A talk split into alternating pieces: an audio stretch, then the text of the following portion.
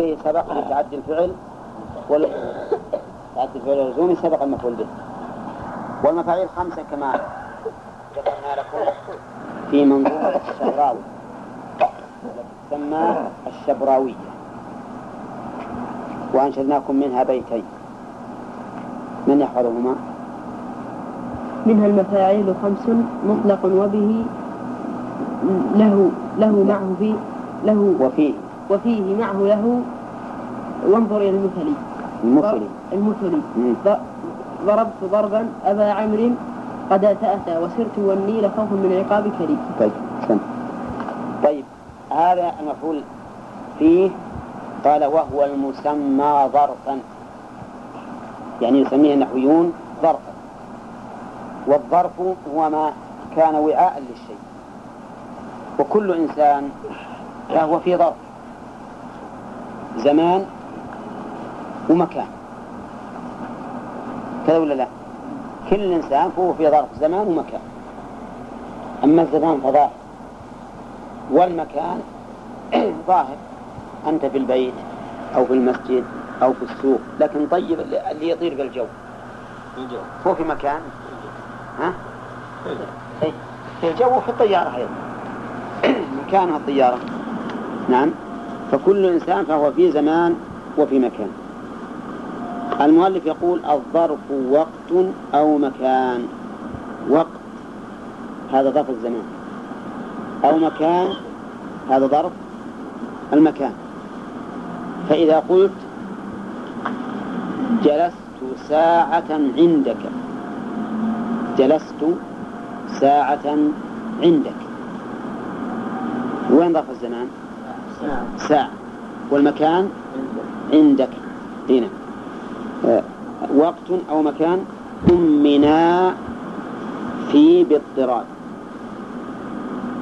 ضمنا هل الألف للتثنية ولا للإطلاق؟ ها؟ ها؟ لا لا للإطلاق للإطلاق لأنه قال وقت أو زمان لو قال وقت وزمان ها؟ نعم لو قال وقت ومكان صارت الألف التثنية لكن لما قال أو معناه ما يجتمعان. إما هذا أو هذا. وعلى هذا فالألف فيها للإطلاق. ضمن يعني دل على معنى في. ضمن معنى في باضطراد يعني دل على معنى في. نعم. أي مو صحيح مو صحيح وقوله في يعني معناها أنه يشتمل على معنى في على معنى في باضطراد احترازا مما تضمنها بقرينة في مكان دون مكان. فإن بعض الكلمات قد تضمنها في مكان دون مكان. مثلا سكنت الدار. سكنت الدار. الدار هذه تضمنت هنا معنى في. أي سكنت في الدار لكن هل هو باضطراد؟ لا. تقول بنيت الدار. فهل تضمنت معنى في؟ لا. إذا الدار ما نعربها ظرف. لا نعربها ظرفا. لأنها لا تتضمن معنى في باضطراد.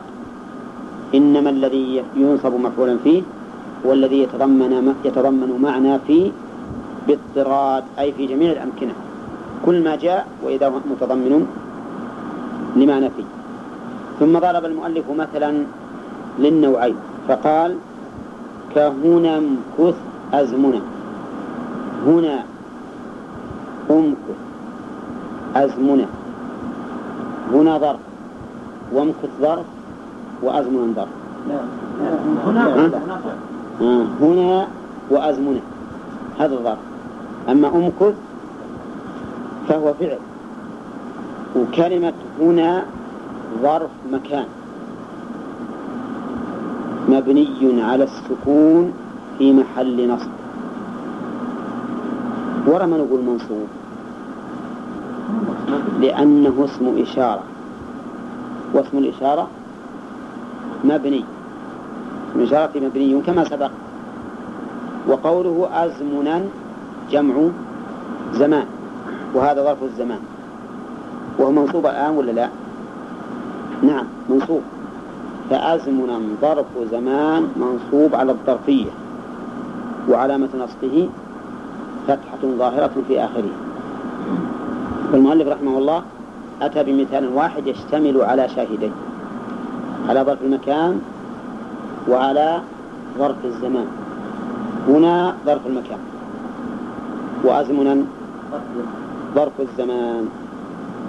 طيب. ممكن نجيب مثال آخر من عندنا؟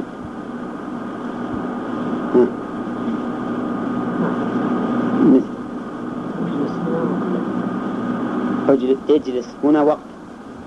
لا نبي هذا المثال ما بعد. هذا ما أخرجت عن كلام المؤلف. مثل أول مثال. ولا نبي أول مثال. جلست عند السادة عندك. تقول مثلا سرت يوما ميلا. أولى يوما هذا ظرف زمان وميلا ظرف مكان. ها؟ إيه مسافة مكان. مو زمن. طيب المؤلف يقول الذي يتضمن فيه الزمن والمكان والمكان. كله. كله يتضمن الزمان فيه هذا وهذا ميل ما في؟ اي اي في ميل يعني كان سيري في ميل لأنه ابتداء السير إلى منتهى. هذا هو ظرف هذا هو ظرف سيري. فأنا سائر في هذا الميل لا. لا ما تصير إذا جلست ساعة عندك الزمن كيف فيه؟ هنا جلست في ساعة. يعني معناه أن الساعة صارت ظرفا لجلوسه صارت لكن لاحظوا أن أن ظرفية الزمان تعرفون الزمان معنوي مو شيء محسوس مثل المكان اللي محيط بك. فإحاطة الزمان بالإنسان معنوية في الواقع. فهذا هو الذي قد يشكل عليكم في مسألة التقدير فيه. إنما ساعة آه، كأنها يعني إناء محيط بالإنسان. من أول الساعة أول دقيقة إلى آخر دقيقة. فهذا وجه التقدير فيه. فانصبه بالواقع فيه. انصبه الضمير يعود على إيش؟ على المفعول فيه أو الظرف كما تحبون لأنه يقول هو المسمى ظرف. انصبه بالواقع فيه. وش هو الواقع فيه؟ الفعل أو ما جرى مجراه الفعل أو ما جرى مجراه فتقول مكثت عندك ساعة. وين الواقع؟ في الظرف. المكث. نعم. وتقول أنا ماكث عندك ساعة. ماكث ما فعل لكنها جارية. مجرى الفعل. فقوله بالواقع فيه أي بالذي وقع فيه سواء كان فعلا أو كان قائما مقام الفعل وهو اسم الفاعل واسم المفعول. نعم. تنصفه بواقع فيه مظهرا كان وإلا فنوه مقدرا. مظهرا كان يعني إن كان ظاهرا فذاك وإلا فينوى مقدرا. مثال المظهر هنا مكوث وين العامل الواقع فيه هم ظاهر بين. وتقول مثلا أسألك كم مكثت في هذا المكان؟ فتقول ساعة. أي مكثت؟ ساعة. فهنا الواقع فيه مظهر ولا مضمر؟ مضمر. ولهذا قال فنوه مقدرا. إذا تبين لنا القاعدة. ما هي القاعدة في تعريف ظرف الزمان والمكان؟ كل زمان أو مكان تضمن معنى في باضطراب. كل زمان أو مكان تضمن معنى في باضطراد هذا تعريف وهو في البيت الأول. بأي شيء يكون منصوبا ينصب بالواقع فيه. أي بالشيء الذي وقع فيه سواء كان ذلك فعلا أو قائما مقام الفعل. فالفعل مثلا جلست عندك ساعة هذا فعل. أنا جالس عندك ساعة هذا قائم مقام الفعل أو جار مجراه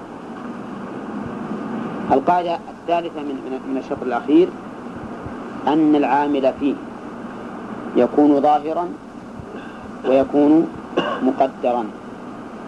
فالظاهر ظاهر. سيدي غانم ها؟ والمقدر مقدر. ها؟ ما هو ظاهر لك؟ لا. عجيب صمت يوما.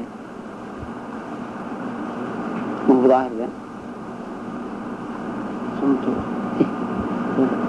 صمت يوما. ما هو ظاهر الظرف الآن؟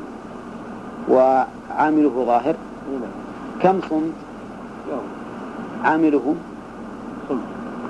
مقدر ولا ظاهر؟ لا لا. أنا أقول لك كم صمت. فقلت أنت يوما. مقدر؟ هذا. صار واضح؟ الحمد لله. طيب. قال وكل وقت قابل ذاك. يعني كل وقت المراد بالوقت هنا الزمان. كل زمان قابل أن يكون مفعولا فيه. كل زمان. بخلاف المكان. الزمان ساعة دقيقة ثانية يوما جمعة يعني أسبوعا شهرا سنة حينا عصرا وما أشبه ذلك. كل زمان فهو قابل أن يكون مفعولا فيه. ولا لا؟ طيب هذه القاعدة. إذا الزمان كله قابل أن يكون مفعولا فيه. لأنه ما من شيء إلا وهو في زمان. ما من شيء إلا وهو في زمان. تقول انتظرني ثانية. ثانية. وش إعرابه؟ مفعول فيه. أو قل ظرف زمان منصوب على الظرفية. انتظرني ساعة. نفس الشيء. ولكن اعلموا أن الساعة في اللغة العربية غيرها في العرف. عندنا الساعة في العرف جزء من أربعة وعشرين جزءا من اليوم والليلة. أولى لكنها في اللغة العربية تطلق على الزمن قل أو كثر على الزمن قل أو كثر طيب كل وقت يعني كل زمان فإنه قابل أن يكون منصوبا على الظرفية لكن المكان لا. وما يقبله المكان إلا مبهما. المعين مثل حجرة غرفة بيت وما أشبهه. هذا ما يقبل أن يكون مفعولا فيه. إلا إذا كان مبهما. المبهم يعني غير المحدود غير المحدد. اللي ما له الشيء يحدده. مثل نحو الجهات الجهات وش الجهات؟ كم الجهات؟ ست. الجهات ست. يمين وشمال وأمام وخلف وفوق وتحت. كل إنسان محاط بست جهات. أولى طيب اللي بين اليمين واليسار؟ فوق وتحت. هذا الست طيب اللي, اللي بين اللي الشمال واليمين؟ أمام أو خلف أمام أو خلف؟ أمام أو خلف. صح. أمام خلف أما وليد فهو يقول غرب كذا؟ من اللي قالها؟ هذاك قال غرب أو شمال الغرب قال؟ أنت؟ طيب.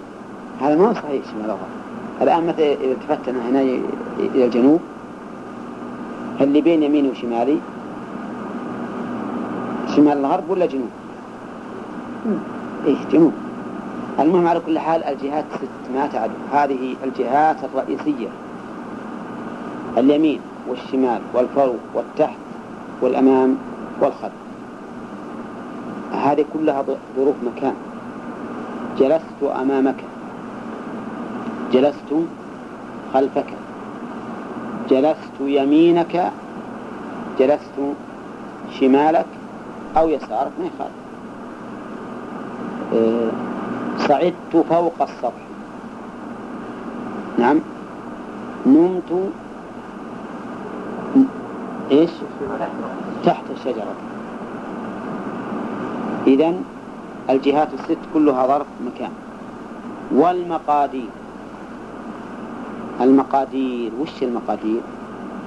مقادير المسافة. مقادير المسافة مثل الميل والفرسخ والبريد. الميل والفرسخ والبريد. ومثل بلوغة الحاضر الآن؟ الكيلو. أولى. الكيلو فإن هذه من المقادير. والمرحلة. أيضا. تقول مثلا سرت ميلين. سرت ميلين. إعرابها سرت فعل وفاعل. ميلين ظرف مكان منصوب على الظرفية وعلامة نصبه الكسرة نيابة عن الفتحة ميلين. النون مكسورة. الياء نيابة عن الفتحة لأنه مثنى والنون عبارة عن في الاسم. المفرد واضح؟ طيب. تقول سرت فرسخا سرت تقدم إعرابها. فرسخا ظرف منصوب على الظرفية وعلامة نصبه فتحة ظاهرة في آخره. وقد يأتي نعم لا ما ما هذا. آه نعم يقول والمقادير وما صيغ من الفعل. وما صيغ من الفعل. يعني ظرف مكان يكون مصوغا من الفعل. كمرمى من رمى. مرمى من رمى. هذه يسمونه ظرف مكان ويأتي ظرف زمان رميت مرمى زيد. رميت مرمى زيد. مثل جلست مكان زيد. مثلها تماما فرميت مرمى زيد تقول رميت فعل وفاعل ومرمى ظرف مكان. منصوب على الظرفية وعلامة نصبه فتحة مقدرة على آخره منع من ظهورها إيش؟ اشتغال المحل بحركة حرف الجر الزائد تعذر. مرمى هنا تعذر لا ما عندنا حرف جر زائد ولا شيء.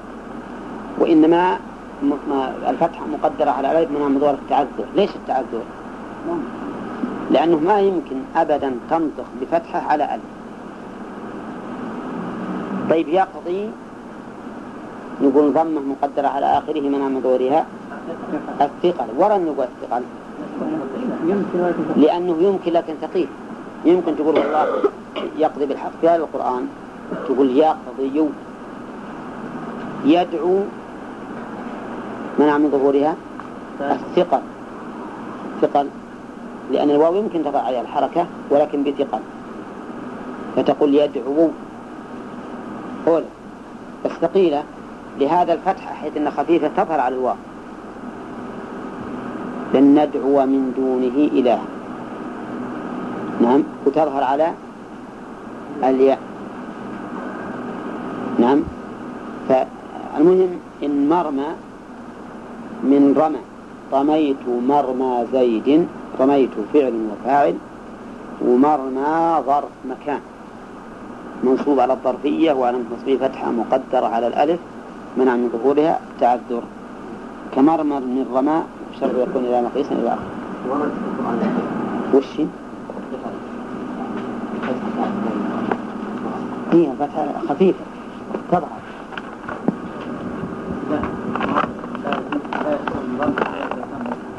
وش معنى مبهم؟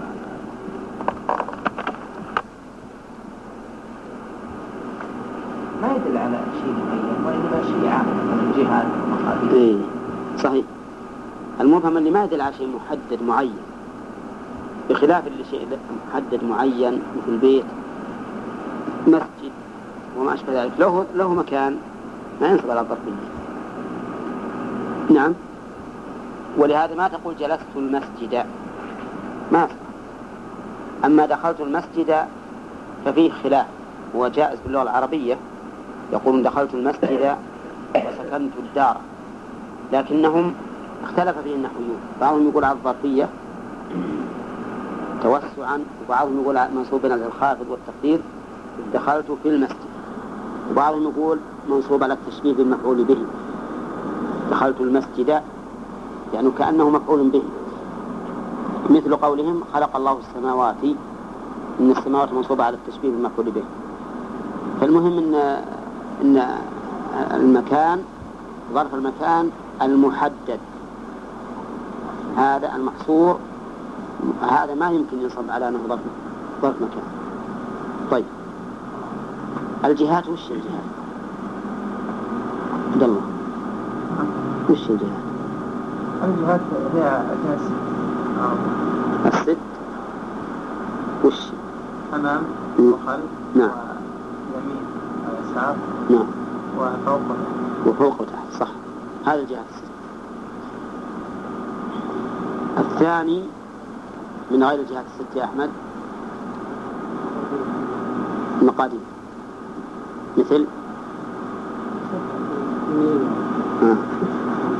صرت ميلا. بريدا فرسخا طيب. وبعضهم يرى إن ميلا وفرسخا إنه من المقدر مو من المبهم. نعم هو حقيقة إنه مقدر لكنه فيه نوع من الإبهام. إذ أن ميلا ما يدري منين ابتدأ وأين انتهى. ولا صحيح مساحته مقدرة لكن فيه نوع إبهام. طيب فيه شيء ثالث أيضا؟ نعم. ما صيغ من الفعل. مرما من رمى. تقول رميت مرمى زيد. رميت فعل وفاعل. مرمى ظرف مكان منصوب على الظرفية وعلامة نصبه فتحة مقدرة على آخره. مرمى منع من ظهورها. التعذر ومرمى مضاف وزيد مضاف إليه طيب. جلست مجلس الأديب. مثله؟ ها؟ مثله. وقد تكون مجلس الأديب هنا بمعنى جلوس الأديب. تكون مصدرا ميميا. لكن إذا قصدت مجلس الأديب يعني في المكان الذي يجلس فيه الأديب. ها؟ صارت الآن؟ ها؟ ظرف. ظرف مكان. نبدأ بالدرس الجديد يقول المؤلف. ها؟ لا لا ما هي اسمه هذه مكان يعني في هذا المجلس. نعم. اللي يحدد المصدر مين؟ السياق. ما في علامة ظاهرة لا ما فيه إلا السياق. ما في علامة ظاهرة إلا السياق وربما يأتي في فيما إذا كان الفعل مكسورا قد يختلف كما يذكر إن شاء الله فيما بعد قال وشرط كون ذا مقيسا أن يقع ظرفا لما في أصله معه اجتماع وهذا معقد يا غانم شرط مبتدأ. شرط مضاف وكوني مضاف إليه. وكوني مضاف وذا مضاف إليه. والإشارة في قوله ذا تعود إلى ما صيغ من الفعل. لأن الإشارة تعود إلى أقرب مذكور. ومقيسا خبر كون. خبر كون. وعندنا كون ينصب له خبر واسم. كون وش ابن مالك يقول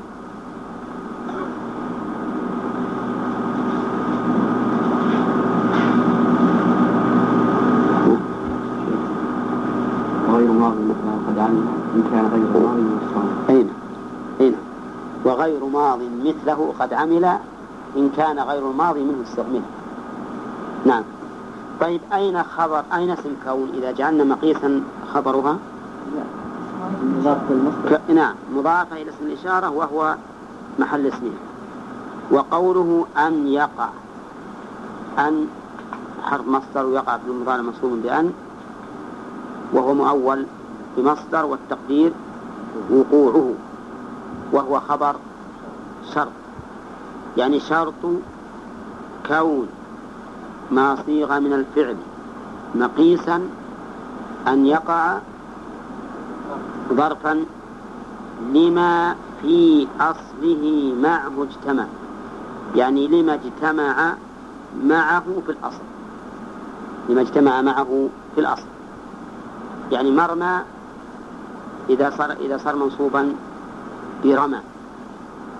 رميت مرمى زيد. لكن جلست منه مرمى الفندق مرمى الفندق هذا ما هو مقيس. لأنه لم يجتمع معه في أصله إذ أن هذا الفعل جلست. والظرف مرمى. ما معنى مقيس وغير مقيس؟ مقيس يعني معناه يمكنك أن أن تنطق بمثله. يمكنك أن تنطق بمثله. غير مقيس معناه ما يمكنك تنطق بمثله وإنما يقتصر فيه على ما جاء به العرب. العرب فقط. ما نطق به العرب نقتصر عليه. وما لا فلا. مثل قول الفقهاء هذا مقيس وهذا تعبدي هذا مقيس وهذا تعبد. ما يقاس عليه. المهم يا جماعة ابن مالك رحمه الله يقول إن شرط كون ما صيغ من الفعل ظرفا أن يكون مطابقا لعامله في مادته. مطابقا لعامله في مادته. مرمى العامل فيه رمى. مجلس العامل فيه جلس. كذا؟ طيب. مقعد العامل فيه مقعد. قعدة نعم. طيب.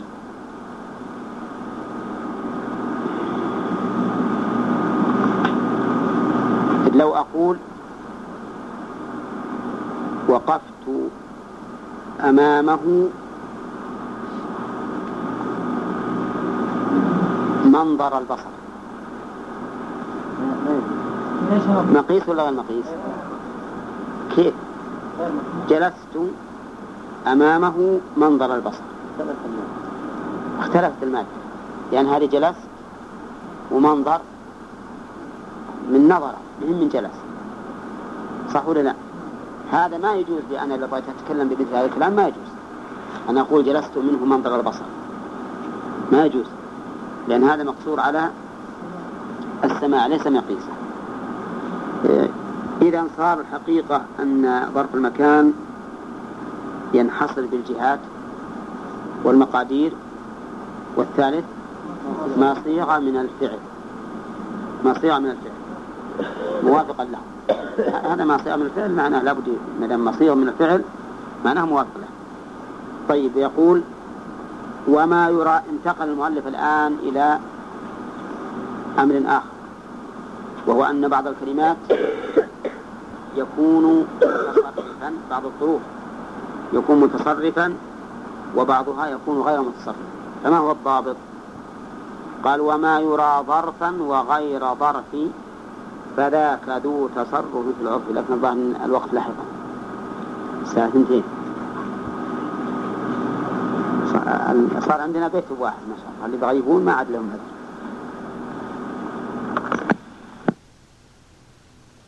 في العرف وغير التصرف الذي لزم. أفادنا المؤلف رحمه الله في هذه الأبيات أن الظرف ينقسم إلى قسمين متصرف وغير متصرف. متصرف وغير متصرف. فما هو المتصرف؟ قال ما يرى ظرفا وغير ظرف فذاك ذو تصرف. إذا كانت الكلمة تارة تأتي ظرفا وتارة تأتي غير ظرف. فإن هذا يسمى ظرفا متصرفا. متصرف يعني مرة يكون كذا ومرة يكون كذا. وهذا تصرف. ولا لا؟ يعني ينصرف مرة هنا ومرة هنا. مثل كلمة يوم.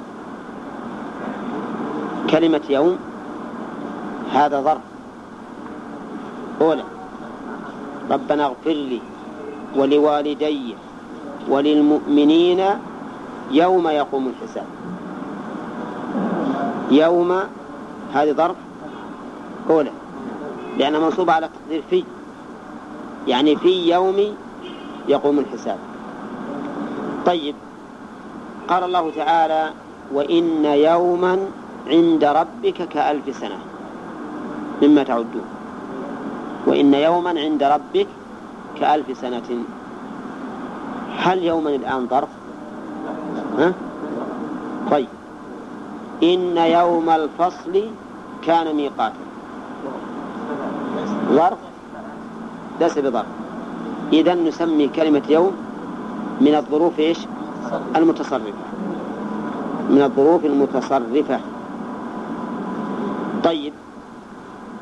كذلك أيضا المكان. كلمة مكان. تقول جلست مكانك. مكانك؟ هذه ظرف.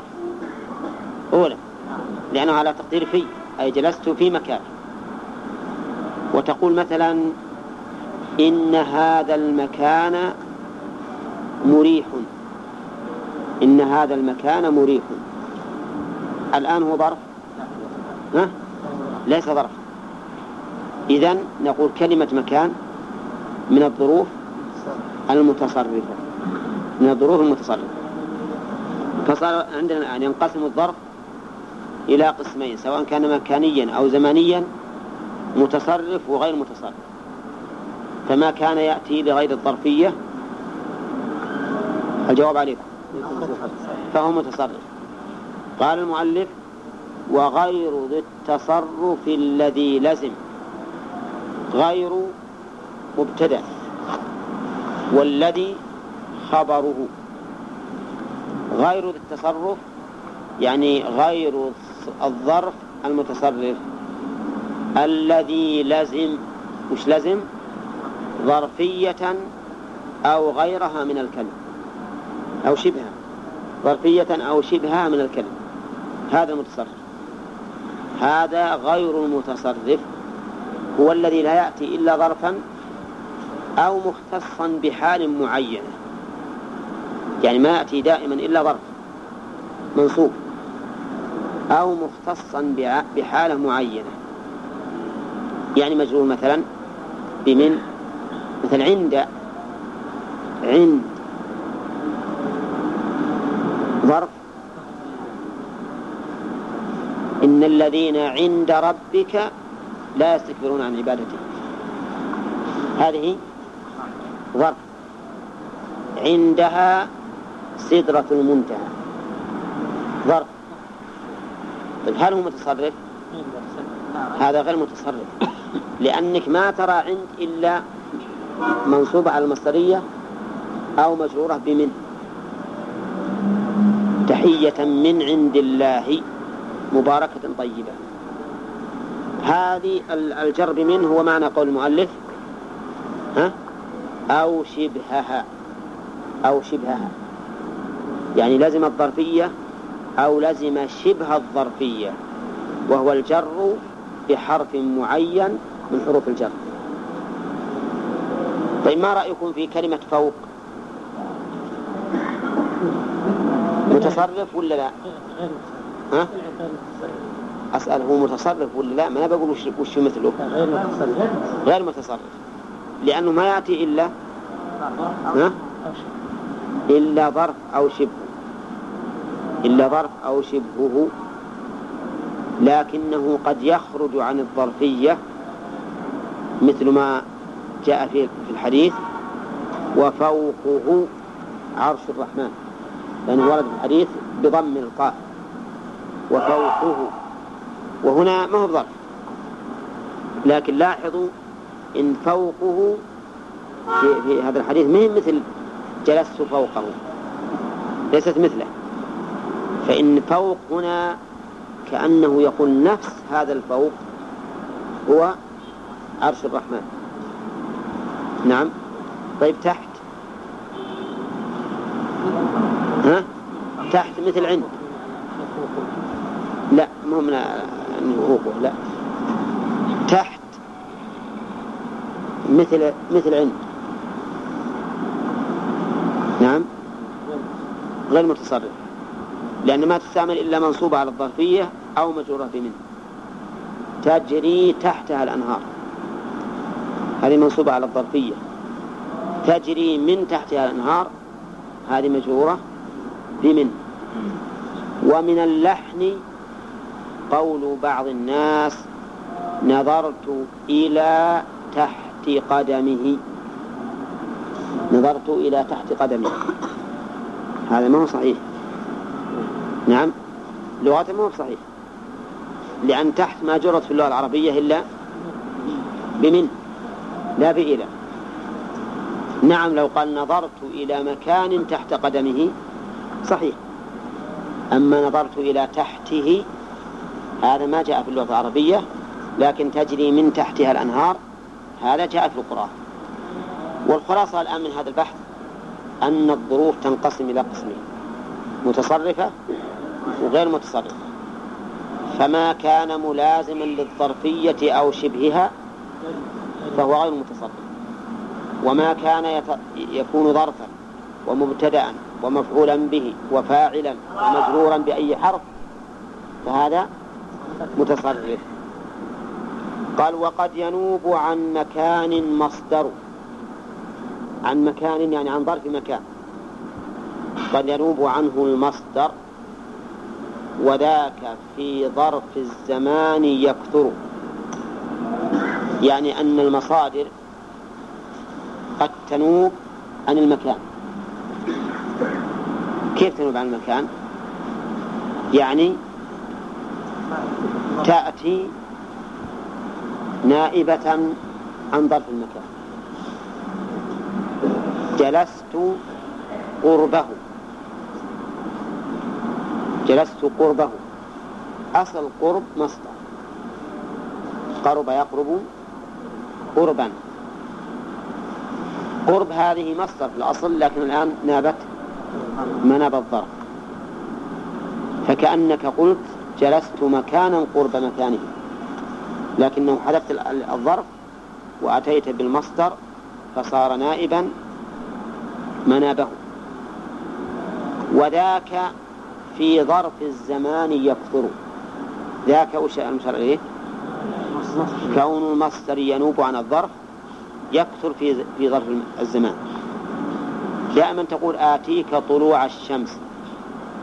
آتيك طلوع الشمس. طلوع مصدر. أولى طلعت تطلع طلوعا. لكنها نائبة مناب ظرف الزمان. يعني كأنك قلت آتيك وقت طلوع الشمس. فنابت عن ظرف الزمان. القاعدة من هذا من هذا البيت ينوب المصدر مناب الظرف. زمانيا كان أو مكانيا لكنه بالنسبة لظرف الزمان أكثر من بالنسبة لظرف المكان. وقول المؤلف قد ينوب ظاهره التقليل مع كونه قياسيا. ظاهره التقليل مع كونه قياسيا. وظاهر كلام الشارح أنه سماع. أنه سماعي فلا يمكن أن تقيس بل لا بد أن يكون قد ورد عن العرب مثل هذا التركيب. ولكن الظاهر أن ما, هو ظاهر المتن أولى أنه قد ينوب لكنه قليل سماعا وقياسا. سماعا وقياسا. لا مانع من أنك تأتي بظرف النائب مناب المصدر بمصدر النائب مناب الظرف وإن لم يسمع اللغة العربية.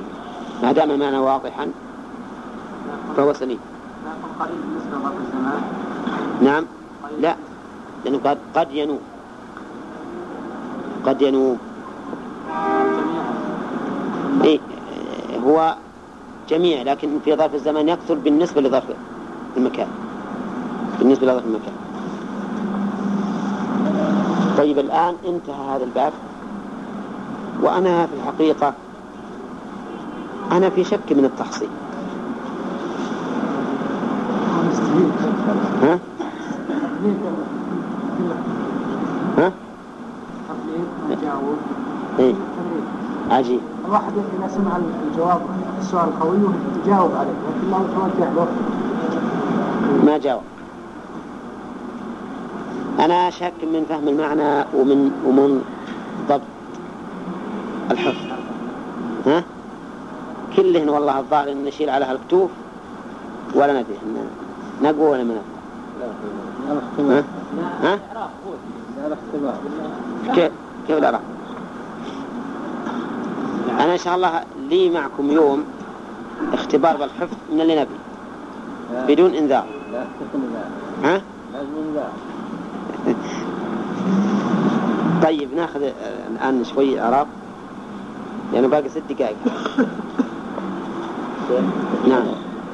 فيش حد من البلاد إلا بنطول. اي هذا الإمام. عندكم إياه ترى بسيط من من ذي. ها؟ اللمبة هذه وجبنا اي اي بسيط إن شاء الله. كلكم إن شاء الله باسل كل ما جانا جبنا له سلك. لا لا لا. السلك يخطرف للناس توصيلي يعني. لا لا. أحسن هذا فيش ما بشي نبع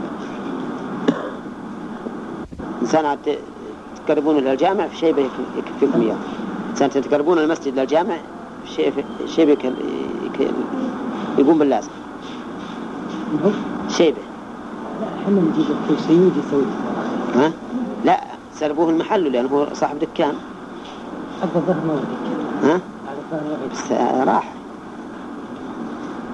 بسيط ما بشيء إن شاء الله. المهم ولا ولا هو يستهلك نسكوه.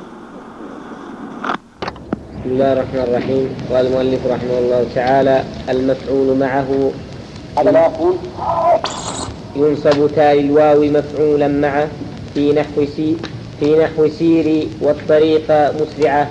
بما بما من الفعل وشبهه سبق.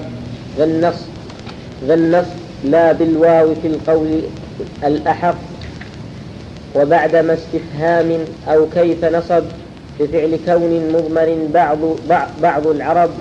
والعطف إن والعطف إن إن يمكن بلا ضعف أحق. والنصب مختار لدى ضعف لدى ضعف النسق والنصب والنصب إن لم إن لم يجز إن لم يجز العطف يجب أو أو أو اعتقد إضمار عامل عامل عامل تصب بسم الله الرحمن الرحيم. قال رحمه الله تعالى المفعول معه. مع معه كلمة مع تفيد المصاحبة. فمعنى المفعول معه يعني المفعول من أجل المصاحبة من أجل المصاحبة. والمفعول معه هو اسم منصوب يأتي بعد واو المعية المسبوقة بفعل أو معناه اسم منصوب يأتي بعد واو المعية المسبوقة بفعل أو معناه مثلا سار محمد والطريق معنى والطريق كل يعرف أن المراد مع الطريق وأنه لا يجوز أن تكون الواو هنا عاطفة لأن الطريق لا يسير أليس كذلك؟ ها؟ طيب استوى الماء والخشبة أو الخشبة والخشبة. يعني مع الخشب. سواء إذ لا يمكن أن يكون المعنى استوى الماء واستوت الخشبة فالمفعول معه واضح. هو أنه يأتي بعد واو هي نص في المعية مسبوقة بفعل أو معناه. ولا يمكن أن تكون عاطفة. لا يمكن أن تكون عاطفة. ولهذا قال المؤلف مبينا حده بحكمه. مبين حده بحكمه فقال ينصب تالي الواو مفعولا معه. ينصب مبني المجهول. وتالي نائب فاعل وهو مضاف والواو مضاف إليه ومفعولا حال منه أي من تالي يعني حال كونه مفعولا معه فهو إذن اسم منصوب بعد واو تفيد معنى المعية مسبوق بفعل أو معناه. نعم. آه، مفعولا معه في نحو سيري قوله نحو أي شبه. فأفاد المؤلف أن هذا مثال وتقيس عليه. في نحو سيري والطريقة سيري الخطاب لمن؟ لامرأة. وهو فعل أمر. والواو واو المعية. نقول فيها الواو واو المعية. ولا يمكن أن تكون عاطفة. ها؟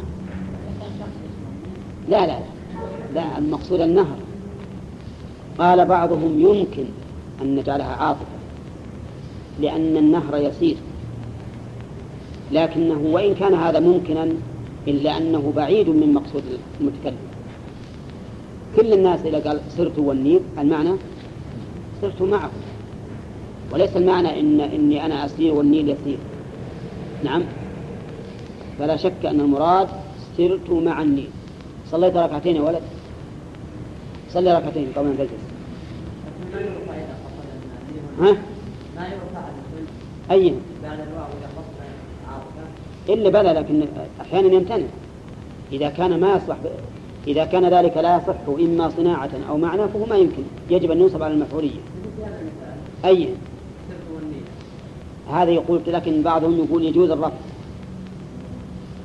يجوز الرفع على أنه ضعيف أيضا كما سيأتي. لكنه نرى أنه ما يجوز. لأن قصد المتكلم لهذا المعنى بعيد جدا. والناس تحمل تحمل يحمل كلامهم على ظاهره.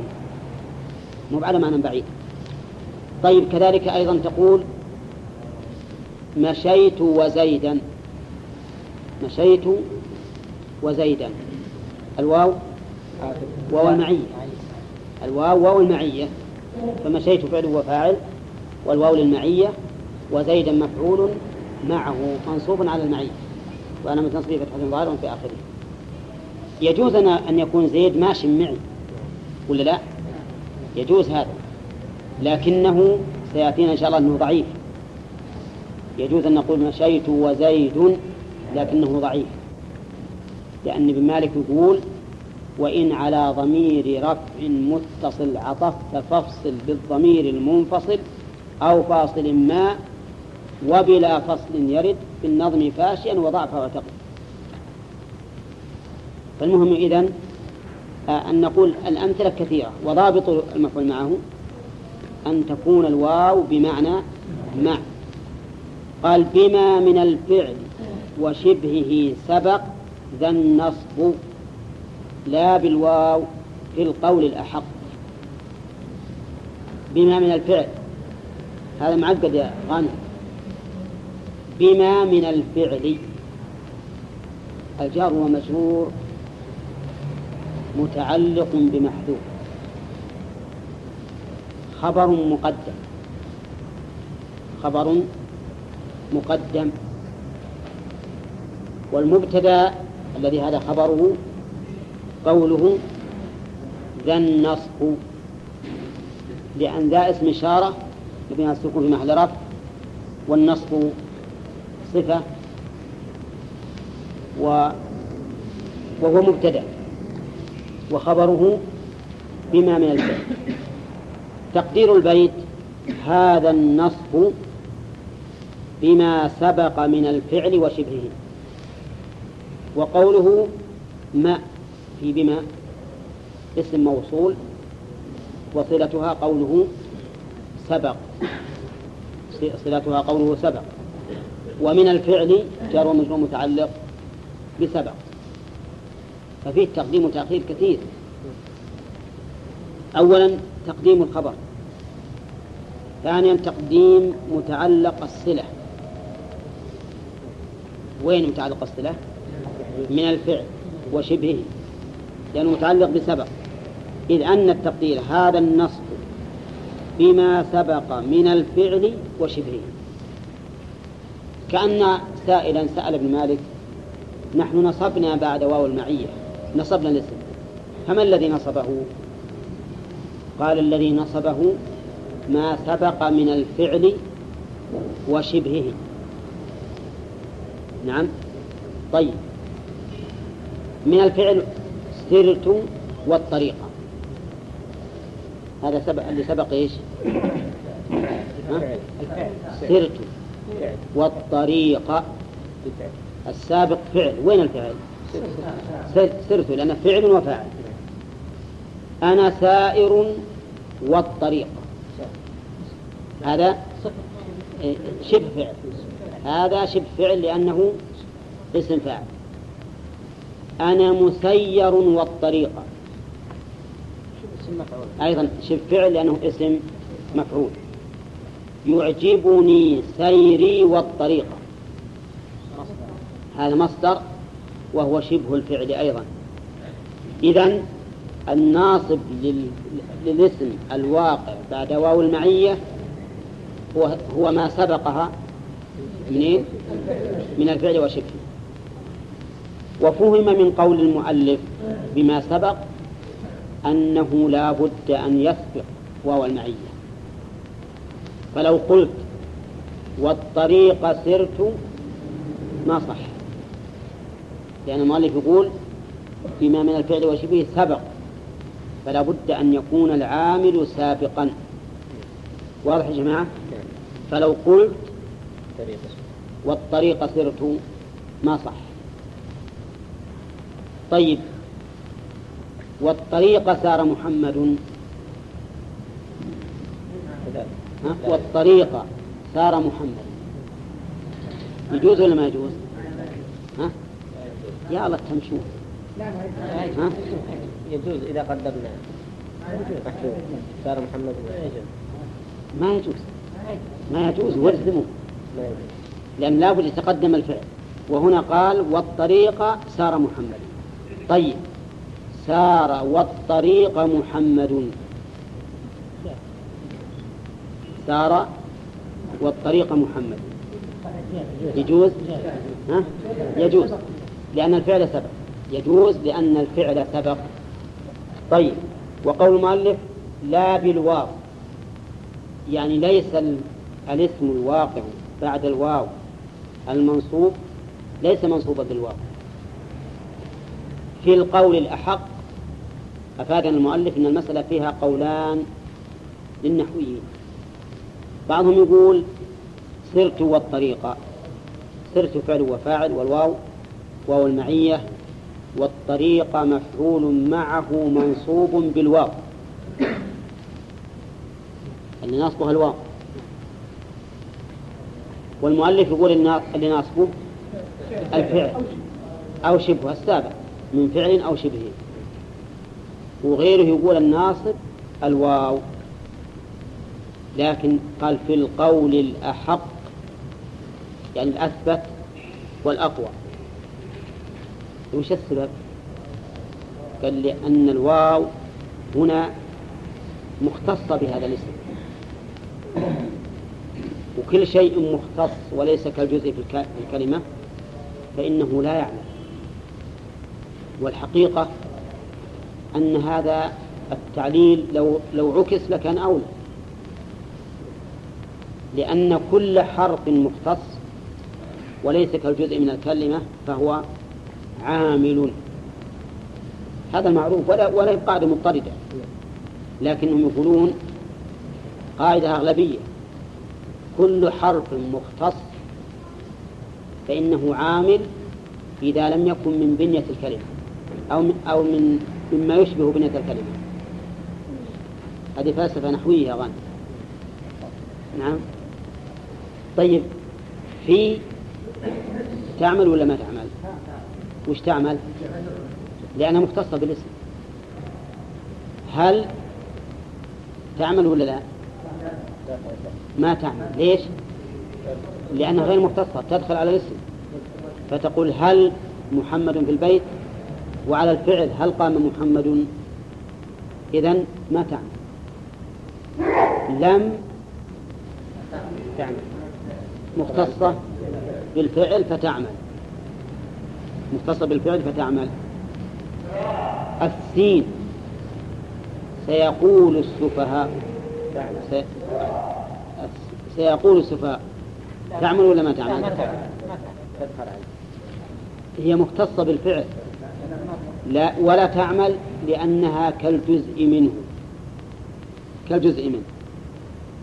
مثل ال المعرفة الرجل القمر. مختصة بإيش؟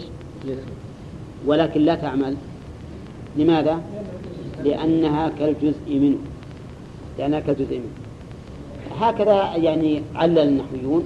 إنما على كل حال أنا رأيي في كون الأداة تعمل أو ما تعمل راجع إلى لغة العرب. إلى لغة العرب. هم الحكم في هذا الأمر. هنا إذا قال الإنسان المفعول مع منصوب بالواو ولا بما سبق الواو من الفعل وشبهه يقول في ذلك رأيان لأهل العلم. منهم من يقول منصوب بالواو ومنهم من يقول منصوب بما سبق من الفعل وشبهه وقد قلت لكم سابقا في مسألة النحو أننا نختار دائما ما هو أصح وعلى هذا فمن أعربه وقال إن الناصب ما سبق من الفعل وشبهه قلنا له صحيح. ومن قال إنه الواو قلنا إنه صحيح. ولسنا في ذلك نعطل نصا ولا ننسخه. أبدا ما يترتب نعم إذا قلنا أن الناصب والواو جاز الواو الواقع بعد هذا الفعل. تقيد تقيد بهذا أن أنها أنها الواو المسبوقة. مع أن الآن مما يدلنا على هذا قول المؤلف وبعد ما استفهام أو كيف نصب بفعل كون مضمر بعض العرب. كأنه قيل للمؤلف أنت تقول أنه لابد أن يتقدم فعل أو شبه وأنه هو الناصب. ووجدنا أن العرب يقولون كيف أنت وقصعة من ثريد ها؟ كيف أنت وقطعة من ثريد وش الجواب؟ ها؟ أكلتها. نعم. أو أكلتني إن كان حار عجز لا أكله فهي أكلتني وإن كان غير حار فقد أكلتها. طيب العرب يقولون كذا ويقولون ما أنت وزيدا. يعني ما أنت مع زيد. هو هو فعل؟ ما فيها شبهه؟ لا. إذا الناصب الواو. الناصب الواو. قال طيب عندنا حيلة. نحن النحويين كاليرابين. متى لطفتم الباب خرجنا مع النافقة قال نصب بفعل كون مضمر. بفعل كون مضمر. نعم؟ يعني أننا نقدر فعل كون. كون مصدر وش, وش فعله؟ كان أو تكون أو ما أشبه ذلك. كيف أنت وقصعة من ثريد التقدير. كيف تكون أنت وقصعة من ثريد نعم؟ كيف ما أنت وزيدا؟ ما تكون أنت وزيدا. نعم. فيقدرون كان. وبعضهم يقول نقدر تصنع. ما تصنع وزيدا. يعني ما أنت وزيدا لأن زيد أقوى منك وأنشط منك. وش جابك له نعم. فيقول ما تصنع أنت مع زيد. ما تصنع شيء. نعم. على كل حال المؤلف رحمه الله يقول في الجواب عما ورد عن العرب في نصب واو المعية لما بعدها بدون سبق فعل وشبهه يقول يجب أن نقدر فعلا. هذا الفعل مشتق من الكون يعني هو يكون أو تكون أو كنت أو تصنع أو تفعل أو ما أشبه ذلك. المهم أننا نقدر فعلا مناسبا لماذا؟ لأجل أن تستقيم القاعدة ويكون الناصب أو أو شبه طيب قال المؤلف وبعد ما استفهام بعد وش؟ ظرف مكان ولا زمان؟ ها؟ مكان مكان. بعد مكان. بعد مكان. زمان ما في إشكال. وش ولا المكان اللي يكون بعد. بعد زمان. وبعد جلست بعد زيد اي زمان. في الزمان بعد إيه. ها؟ بعد البيت. لا يمكن. يعني معناه بيتي بعد بيت فلان. فهذا نعم في المكان صح طيب بعد ما استفهام بعد ظرف منصوب على الظرفية وش العامل فيه؟ وين العامل فيه؟ نصب. ها؟ نصب. نصب. يعني أول كلمة في البيت العامل فيها آخر كلمة في البيت وهو كلمة نصب. طيب. وقوله ما استفهام ما مضاف؟ واستفهام مضاف إليه. وإنما قال بعد ما استفهام للتخصيص لأن ما تكون ما استفهام وتكون ما شرطية وتكون موصولية وتكون إلى عشرة معاني. عشرة؟ طيب. فيها بيت معروف. وهي مر وادعو ون. ستفهم شرط الوصل فاعجب لنكرها بكف ونفي زيد تعظيم مصدر فمنها بيت يقول محامل ما عشر إذا رمت عدها. فحافظ على بيت سليم من الشعر. ستفهم شرط الوصل فأعجب لنكرها بكف ونفي زيد تعظيم مصدر. ستفهم شرط الوصل فأعجب لنكرها بكف ونفي زيد تعظيم مصدر. هذه مع معاني ما. ولهذا أحتاج أن نقول بعد ما استفهام. قال أو كيف ولا قال كيف استفهام. ليش؟ لأنها ما ترد إلا استفهامية. أو كيف نصب. نصب. نصب. هذا آخر الشطر. إن قلنا قبل قليل آخر البيت. وهو آخر الشطر. نصب بفعل كون. بفعل كون مضمر يعني محذوف بعض العرب. بعض وش عربة فاعل نصب. يعني أن بعض العرب نصب المفعول معه بعد الواو التي لم تسبق بفعل وشبهه ولكنه بعد ما أو كيف ويقدر لذلك فعل مناسب. والمؤلف يقول فعل مشتق من الكون وهو يكون أو تكون أو كن. ولكن الأصح كما قاله أهل الحواشي أن نقدر الفعل الفعل المناسب. على أنه يمكن أن نجعل كون في كلام المؤلف مهيب المشتقة من كان أو التي اشتق منها كان. إن المراد بالكون الحدث بفعل كون يعني بفعل حدث فيقدر بإيش؟ بما يناسب المقام.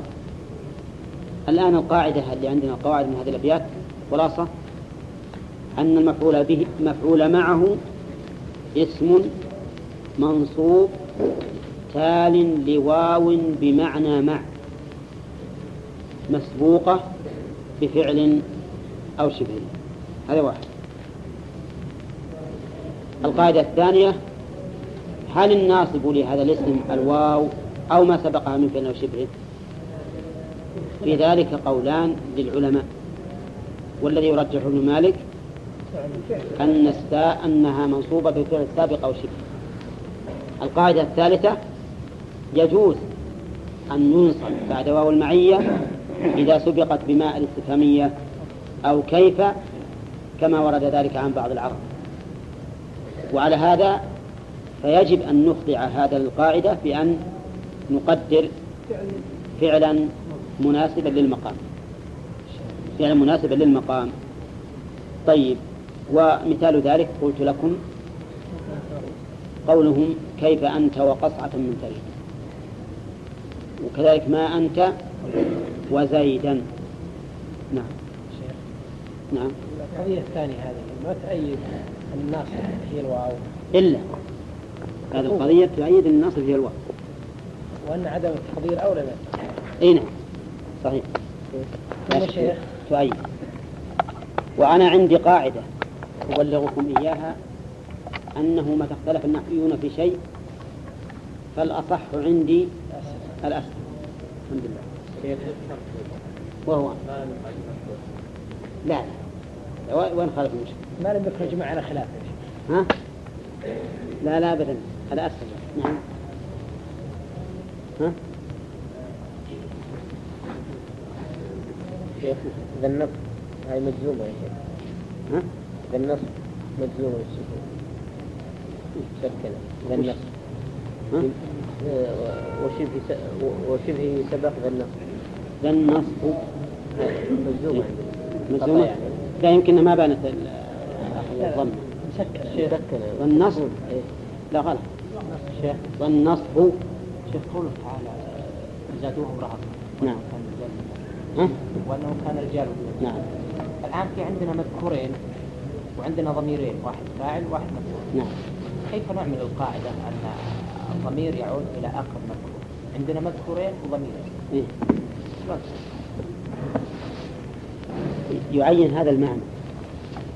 هم يعوذون بهؤلاء الجن ليؤمنون كانت النتيجة؟ حديث عبد الله بن مسعود قدم الكلام إلى قوله وعلى عباد الله الصالحين. وقلنا إن الرسول صلى الله عليه وسلم بين أنك إذا قلت على عباد الله الصالحين فإنه يشمل كل عبد صالح في السماء والأرض حتى الملائكة وغيرهم. قال أشهد أن لا إله إلا الله وحده لا شريك له. أشهد الشهادة هي الإخبار بما يعلمه عن يقين. الإخبار بما يعلمه عن يقين وسمي الشهادة وإن كانت من أمور من الأمور الباطنة لأنها إخبار عما في القلب. لكن لما كان الإنسان متيقنا لذلك صار كأنه يشاهد هذا بعين بصره. وإلا فالعلم واليقين من عين البصيرة وليس من عين البصر لكن بقوة إيقان المرء قال أشهد يعني كأن هذا أمر مشاهد بالعين. أشهد معناه أخبر آه، عن علم ويقين مقررا معتقدا ذلك. أن لا إله إلا الله أن هذه مخففة من الثقيلة واسمها ضمير الشان فعلى هذا تكون للتوكيد. وقول لا إله هذه نافية للجنس. لا إله نافية للجنس وإله اسمها. وقوله إلا الله إلا الله يرى بعض النحويين أن إلا أداة حصر وأن الله خبر لا.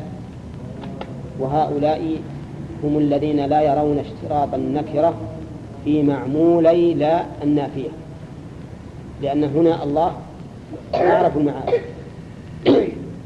وأكثر النحويين الذين يشترطون أن يكون الخبر نكرة يقولون إنه محذوف والتقدير لنا لا إله لنا إلا الله أو حق إلا الله. وعلى هذا يكون الله يكون بدلا من ذلك المحذوف. وعندي أنه لا مانع من القول الأول بأن نجعل الله هو الخبر. خبر لا.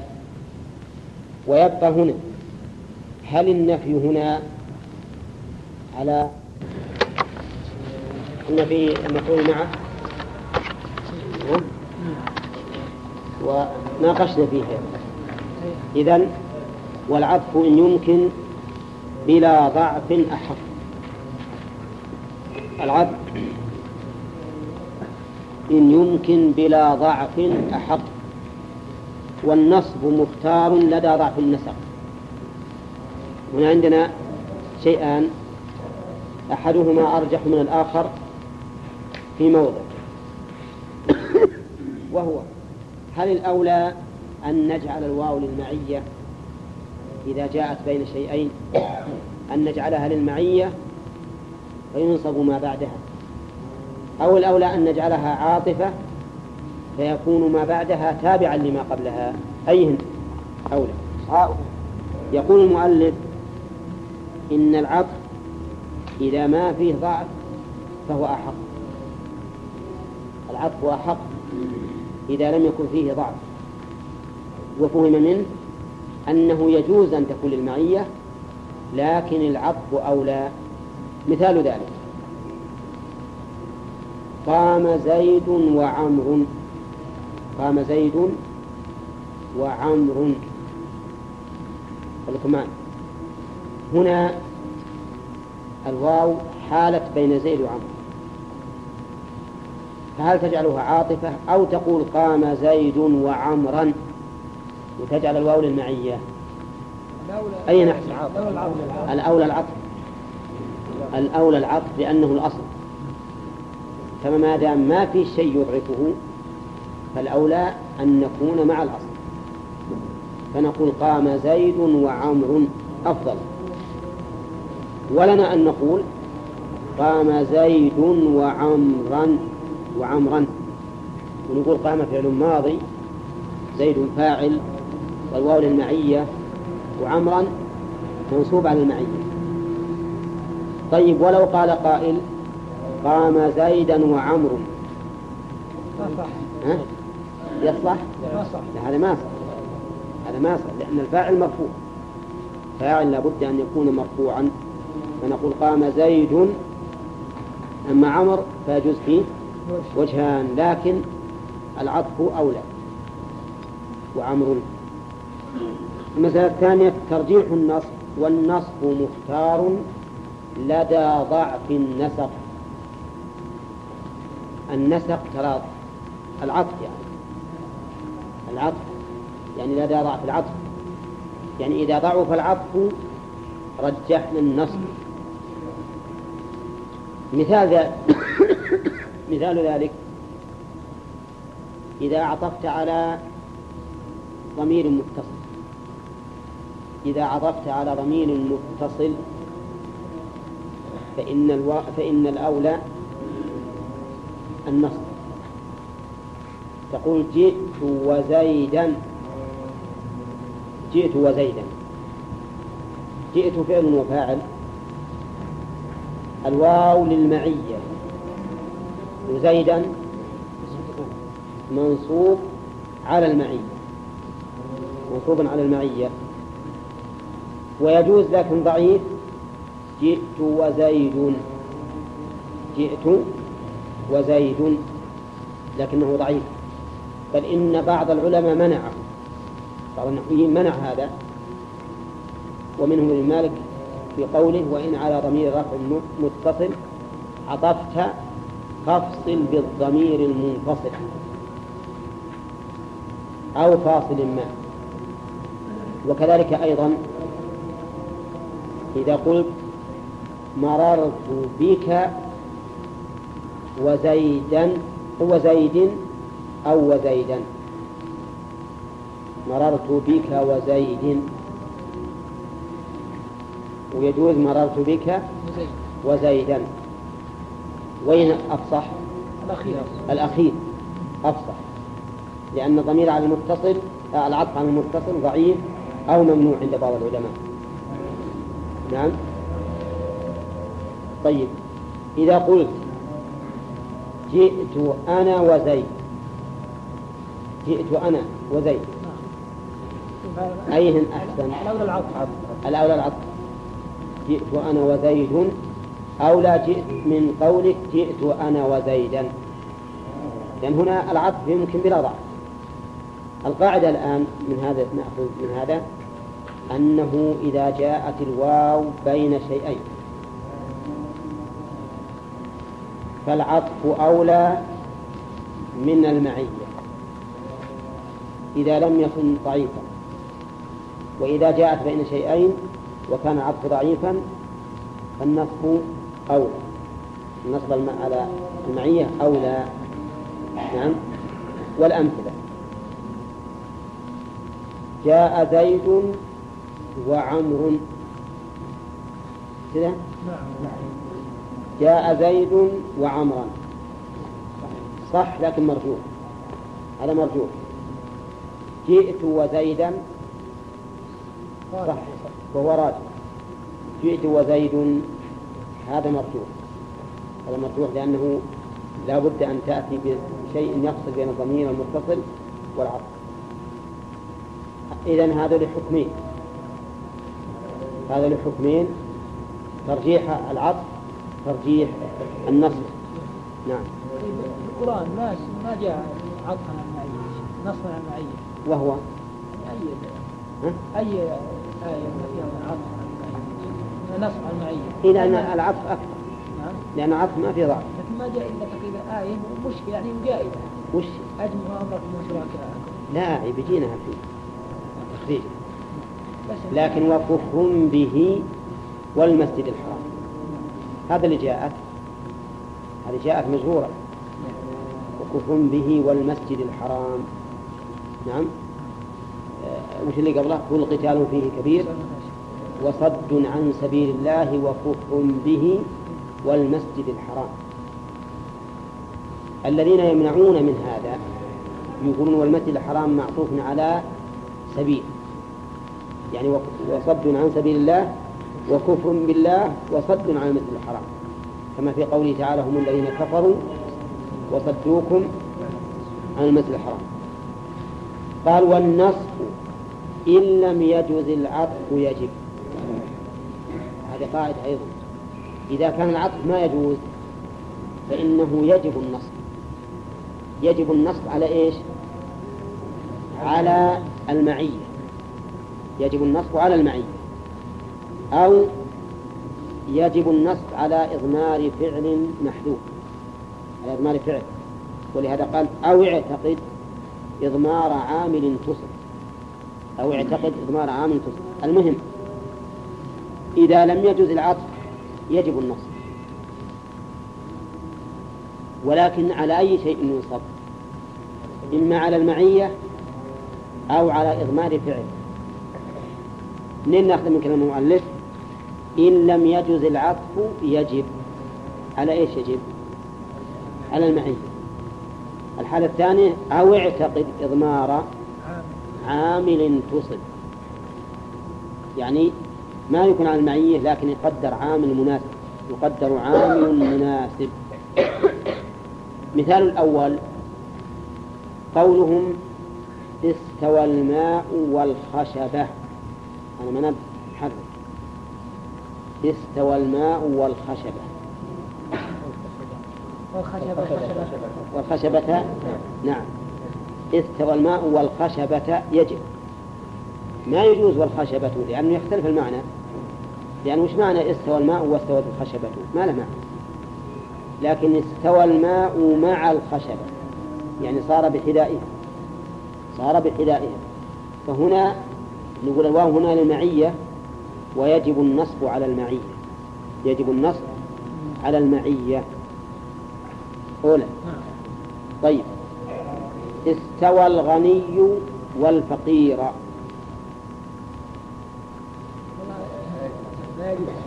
ها؟ ها؟ يجب النصب. ها؟ يجب العصر يجب العطف. هذا- هذا طرفان.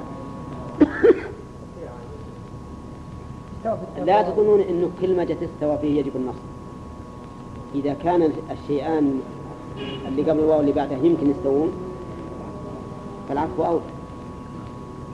فالعطف أولى. نعم. فنقول مثلا استوى الغني والفقير. نعم. نقول هنا الواو حرف والفقير بالرفع معطوف على الغني. ويجوز لكن على مرجوح أن تقول استوى الغني والفقير. وهذا هو معنى قوله والعطف يمكن رفع أحد أفهمتم الآن؟ لكن استوى الماء والخشبة أصلها الخشبة ما يمكن تساوي الماء. بمعنى أن تستوي هي سوا مثل استواء الغني والفقير. لكن استوى مع الخشبة يعني هذا. طيب أو اعتقد إذا كان ما يمكن النصب على المفعولية اعتقد إضمار عامل. يعني النصب الآن لا بد منه. لكن هل نقول على المعية ولا على إضمار فعل؟ حسب حسب المعنى. إن كان على المعية ممكنا فهو على المعية. إن لم يكن ممكنا أو اعتقد فأو هنا ليست للتخيير وإنما هي للتنويع. للتنويع.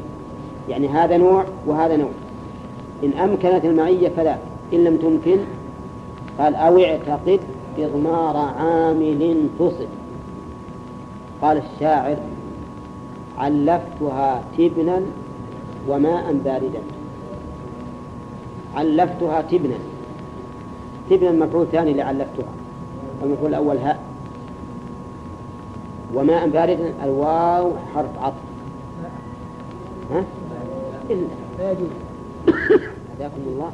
ما ما بارك الله فيكم. الواو حرف عطف وماء مفعول لفعل محذوف. هي عطف جملة على جملة. عطف جملة على جملة. أولا هي هذه؟ الواو حرف عطف. ماء مفعول لفعل محذوف. تقديره؟ وسقيتها ماء باردا هذا الفعل المحذوف معطوف على الجملة هذه معطوف على الجملة دي. طيب لو قلنا الواو حرف عطف. وماء معطوفة على تبنا. ما صح. يجوز ولا لا؟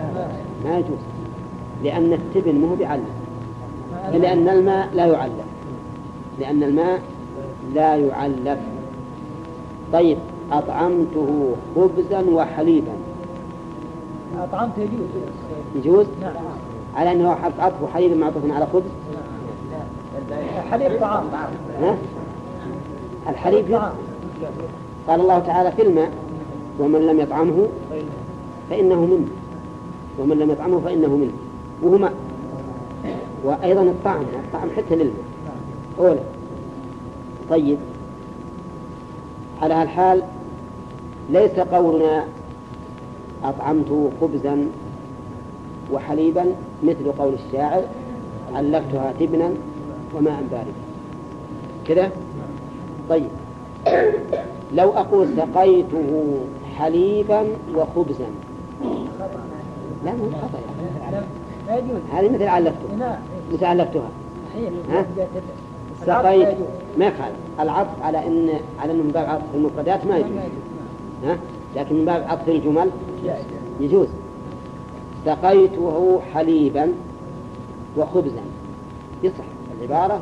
نعم التركيب سليم.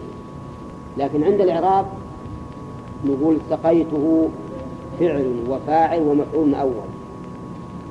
حليبا مفعول ثاني. وخبزا الواو حرف عطف. خبزا مفعول لفعل محذوف. وش التقدير؟ أطعمت وأطعمته خبزا. وأطعمته خبزا. واضح؟ صار عندنا الآن الحقيقة ثلاثة أحكام. أو أربعة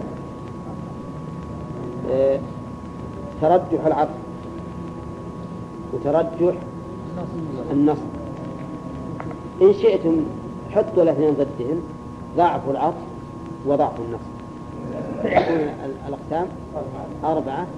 والخامس تعين النصب تعين النصب متى يكون؟ إذا امتنع العطف. امتنع العطف. ويتعين النصب إما على المعية أو على إضمار الفعل حسب الحال. فتكون هنا الأحكام خمسة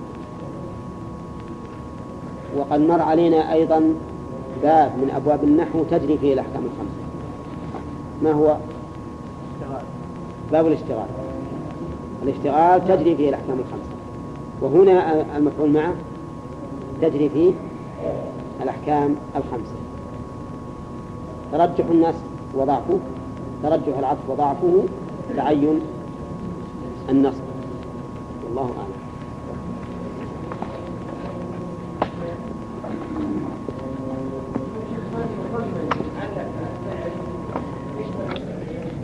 مثل ها؟